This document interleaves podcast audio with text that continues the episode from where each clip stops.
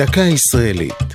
השבוע לציון 40 שנה לפרוץ מלחמת לבנון הראשונה, והפעם טבח סברה ושתילה. באחד האירועים החשובים במלחמת לבנון הראשונה, צה"ל כלל לא השתתף. עצימת העיניים מצד ישראל אפשרה את טבח סברה ושתילה באקורד סיום צורם למבצע שלום הגליל. כאשר הגיע צה"ל לשערי בירת לבנון, הסתתרו מחבלים פלסטינים רבים במחנות הפליטים בביירות. המשימה לטיהור המחנות הוטלה על הפלנגות, כוחות נוצריים שהיו בעלי בריתה של ישראל במלחמה. ישראל אפשרה זאת למרות יחסי האיבה הידועים בין הפלנגות הנוצריות והפליטים הפלסטינים המוסלמים.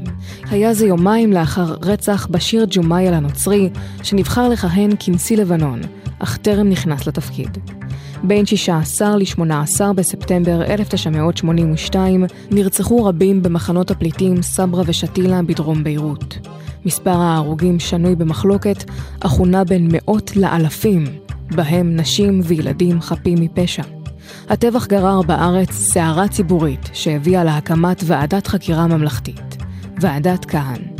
בעקבות מסקנותיה התפטר שר הביטחון אריאל שרון מתפקידו. הלחץ הבינלאומי אילץ את ישראל לסגת ממערב ביירות. וב-29 בספטמבר באה מלחמת לבנון הראשונה לקיצה הרשמי. זו הייתה דקה ישראלית על מלחמת לבנון הראשונה וטבח סברה ושתילה. כתב יותם פוגל, ייעוץ יורם שווייצר, הגישה עדן לוי.